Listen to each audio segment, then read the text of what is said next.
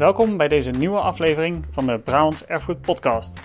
Dit keer met twee gasten. Ik sprak namelijk met Vivian Heems en Sylvan Vazilda. Zij zijn de curatoren, designers en projectleiders van het publieksprogramma Wie zijn wij? Sporen van koloniaal verleden in Brabant in het Van Abbe Museum.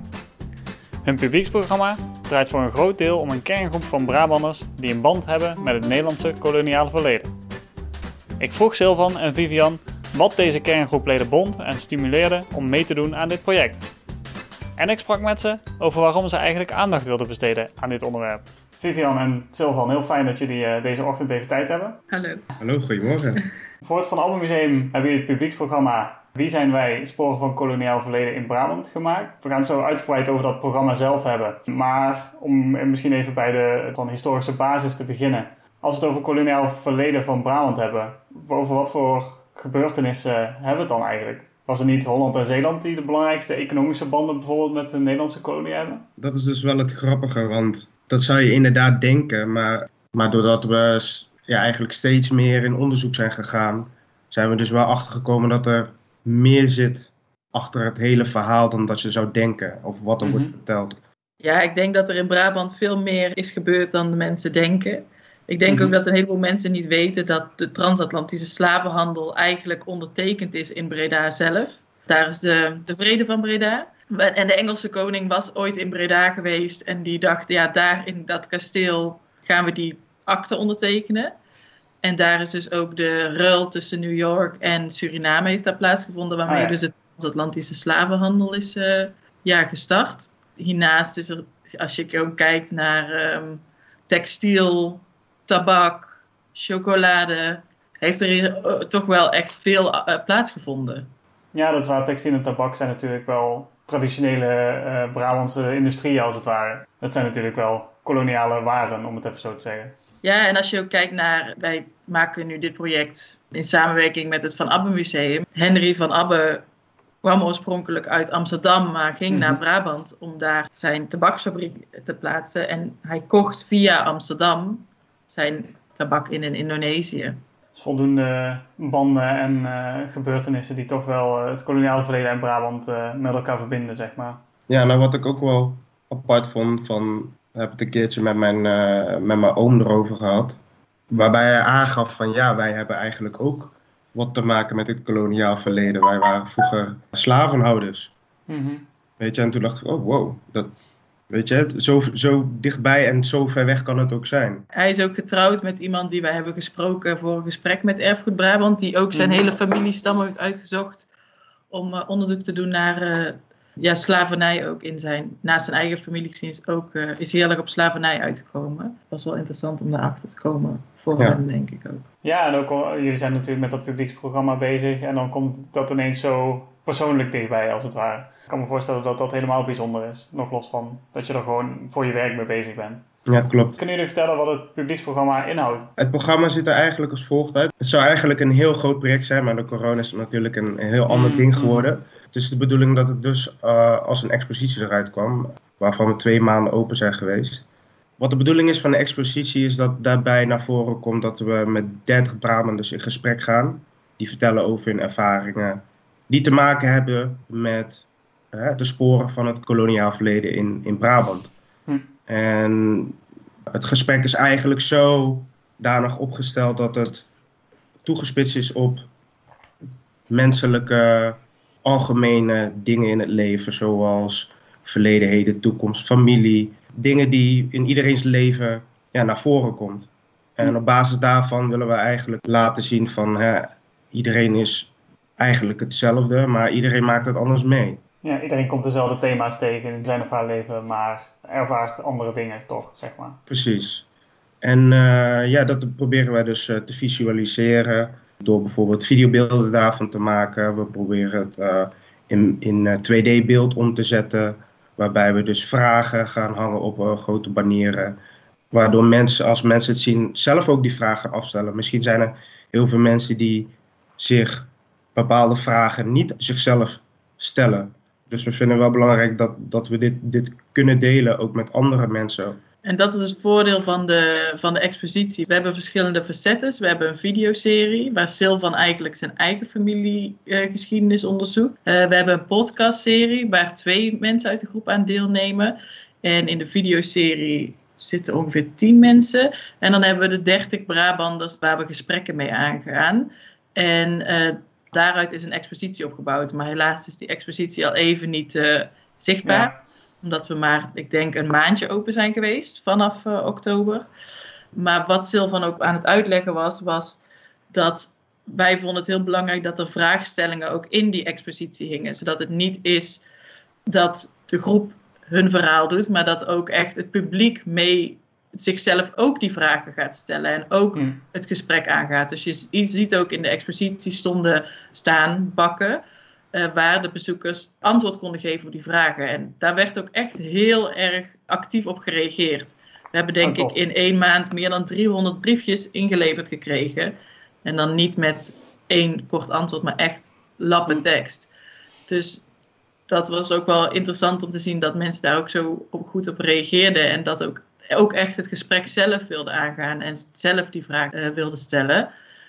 En daarnaast is er in het museum ook een link met museumstukken, dus met uh, kunstwerken. En dan kun je een do-it-yourself tour doen. En dat wordt straks weer omgezet vanaf het najaar naar een soort een andere tour. Maar ik weet ook niet wat ik daar allemaal over mag zeggen. Dus ik hou daar uh, nog even mond over. Zoals het nu opgesteld is, heb je eigenlijk een soort Wie zijn wij tour. En mhm. loop je langs de verschillende kunstwerken en zie je daarin vraagstellingen vanuit groepsleden of reflecties bij die kunstwerken, die het kunstwerk ook weer vanuit een ander of een nieuw perspectief bekijken, waardoor je aan het denken gezet wordt. Het is ook wel echt ja, erop gemaakt om iets met het publiek te doen, zeg maar. Zeker, dat vonden wij wel heel erg belangrijk, omdat natuurlijk in de meeste gevallen het zo is dat als je een expositie ziet, dan ben je een bezoeker en dan kijk je ernaar. En dan ben je mhm. geen deel ervan. Wat dit ook wel bijzonder maakt, is dat mensen echt het gevoel hebben dat ze ook een deel ervan uit kunnen maken. Door juist dat kaartje in te vullen en hun mening te geven of hun eigen ervaring. Waarom was het voor het museum en waarom was het voor jullie belangrijk om aandacht te besteden aan het koloniaal verleden nu? Dat is wel grappig, want ik heb me er eigenlijk nooit echt mee bezig gehouden. Vivian heeft uh, veel onderzoek ernaar gedaan. Waardoor ik wel heel veel dingen meekreeg. Waarvan ik dacht van, oh, oh dat, dat, dat wist ik niet. En waardoor je ook in je omgeving hoort van dat eigenlijk heel veel mensen ook niet heel veel van afweten. Uh, waardoor ik juist door die kleine beetjes dat ik kreeg van Vivian ook steeds meer geïnteresseerd raakte van hè, wat, wat, wat, wat betekent dat nu en uh, wat betekent dat, dat voor mij? Want ik, ik weet dat ik daar mee verbonden ben, althans mijn, mijn, mijn familiegeschiedenis. Mm -hmm. ja, dus eigenlijk ben ik er zo soort van ingerold. En heb daar uiteindelijk wel de ingezien dat het toch een heel ander verhaal is dan wat er wordt voorgeschoteld. En dan heb je het denk ik ook vooral over wat is er in de boeken verteld en wat is er in werkelijkheid gebeurd. Ik denk dat dit voor Silvan een, ook wel een grote rol speelt, omdat bijvoorbeeld heel veel verhalen in zijn familie zijn die niet in alle geschiedenisboeken staan. Eh, of niet correct beschreven staan. En eh, wanneer je met mensen in gesprek gaat en bijvoorbeeld met families in gesprek gaat, dan kom je achter verhalen die, die gewoon niet verteld zijn. Die verhalen zijn wel heel belangrijk. Die vertellen onze geschiedenis. En de geschiedenis is heel lang vanuit één perspectief verteld. Of grotendeels vanuit één perspectief. En ik denk ook dat wij daarom het heel belangrijk vonden om dit project te doen. Uh, ook in het Van Abbe Museum. Want het Van Abbe Museum is natuurlijk ook een instituut. Een mhm. instituut is onderdeel van het systeem waarin wij, waarin wij leven. Mhm.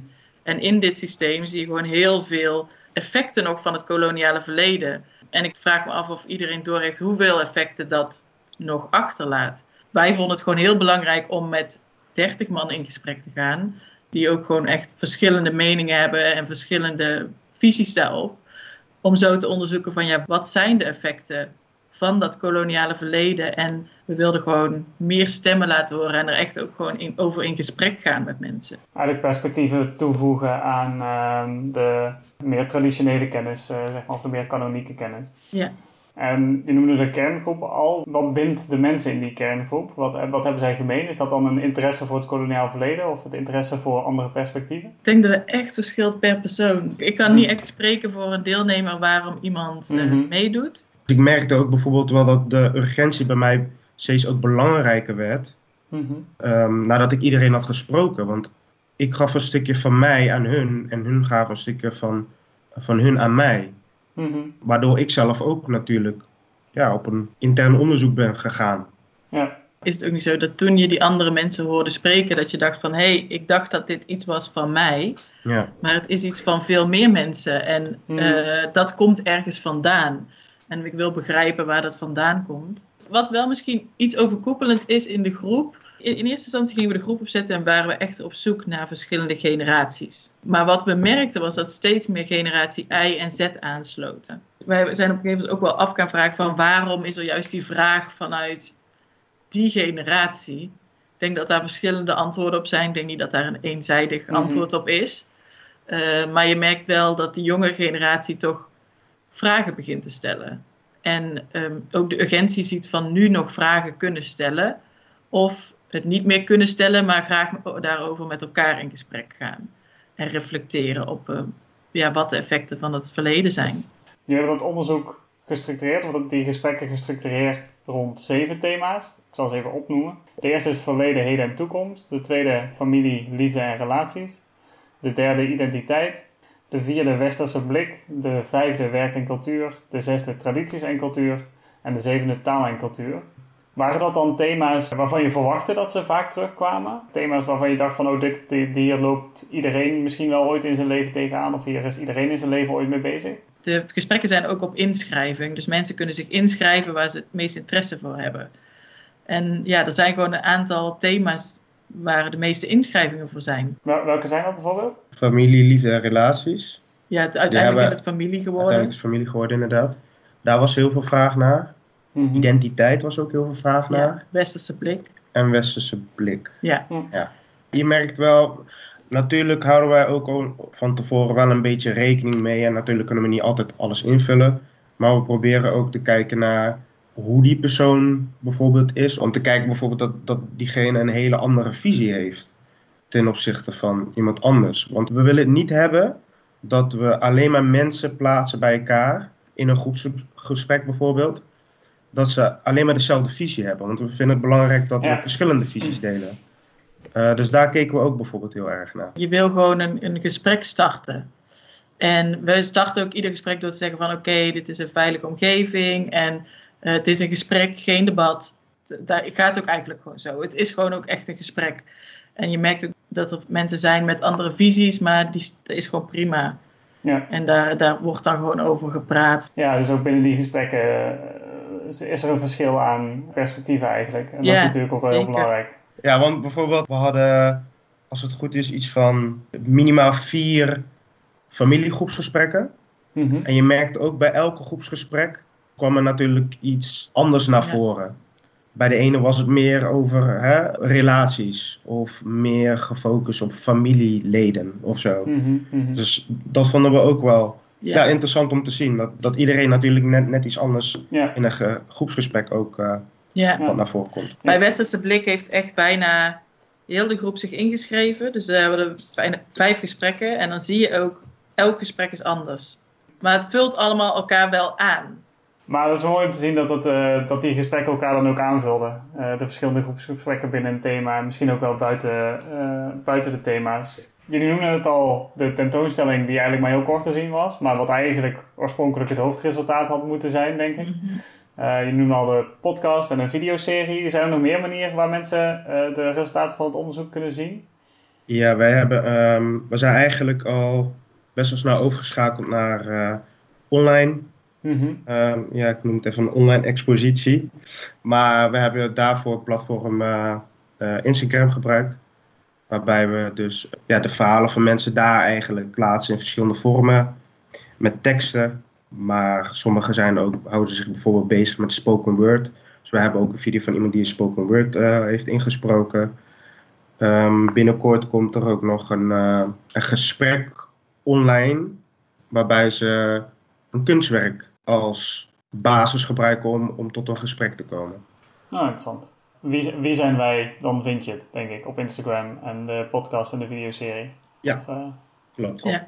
En je noemde net al Vivian, we hebben natuurlijk met een paar leden, nu zeg ik wij, als in Vivian, ik en collega's van mij van Browns Erfgoed-redacteuren, een aantal gesprekken gehad met uh, leden van die kerngroep die op Browns Erfgoed uh, staan. Wat ik daar ook mooi aan vind, bijvoorbeeld, we hebben een gesprek gehad met de moeder van Sylvan en haar broer over hoe zij uh, op Beekvliet aankwamen en wat hun ervaringen waren en zo. En ook de geschiedenis van de Javanen in Suriname, daar is het over gegaan. En ze belden mij naderhand ook allebei op. En ook degene met wie ik andere gesprekken heb gehad. Van dat ze het zo waardevol vonden dat er naar hun geluisterd werd. En dat hun verhaal ook belangrijk is op een, op een Erfgoed Brabant pagina. Mm. Dat zij onderdeel zijn van het erfgoed van Brabant en van, van de geschiedenis van Brabant. En dat is ook echt zo. Daarom is, ja, vind ik het ook echt heel belangrijk en mooi dat zij een onderdeel zijn van die geschiedenis nu op jullie Ja. pagina. Ja. Super mooi om te horen. Dat zeg ik als iemand die ook die gesprek heeft gevoerd. nee, dat is heel mooi. Dat, is heel, eh, dat was een deel, voor een belangrijk deel ook de bedoeling van dat we die gesprekken zijn gaan doen. Om, omdat wij ook vinden dat dat soort verhalen bij het erfgoed van Brabant horen. Ja. Eh, dus dat is fijn dat die soort van boodschap ook is overgekomen als het ware. ja, en het sluit ook aan bij wat we eerder zeiden: van dat in de geschiedenisboeken een heleboel verhalen ontbreken. Mhm. Ja, precies. precies. En het is goed Ja. om die ook vast te leggen. Zelfs ik wist niet van die verhalen. Waarvan ik dacht zo van, oh wow, dat heb ik echt mijn moeder nooit gevraagd of zo. Dus Ja, het is gewoon bizar eigenlijk. zoiets bespreek je ook misschien niet zo snel in als je gewoon een gesprekje hebt met elkaar. Ja, nee, dat klopt. Ik zal sowieso ook eh, linkjes toevoegen van de videoserie en de podcast, et cetera, voor de, op de podcastpagina, de afleveringspagina. Maar ook die getuigenissen zal ik op de afleveringspagina zetten, zodat mensen ze na kunnen lezen. Ja, super interessant. Ik ben heel erg benieuwd naar alle eindresultaten. Ondanks de horde die corona is geweest met de tentoonstelling, zijn er toch mooie eh, creatieve dingen uitgekomen. En ja, bedankt voor jullie tijd nu, vooral, en dat jullie wat over wilden vertellen. Graag gedaan. Dankjewel. De artikelen die voortgekomen zijn uit onze samenwerking met Sylvan en Vivian vind je via de afleveringspagina op brabantserfgoed.nl slash podcast. Daar vind je ook alle andere afleveringen van de Brabants Erfgoed podcast, net als op je favoriete podcastplatform. Vergeet ons daar dus niet toe te voegen en je krijgt de volgende aflevering vanzelf in je feed. En als je deze podcast nu de moeite waard vindt, laat dan meteen even een review achter. Wil je op de hoogte blijven van al het nieuws dat op brabantserfgoed.nl verschijnt? Abonneer je dan op onze nieuwsbrief via brabantserfgoed.nl slash nieuwsbrief.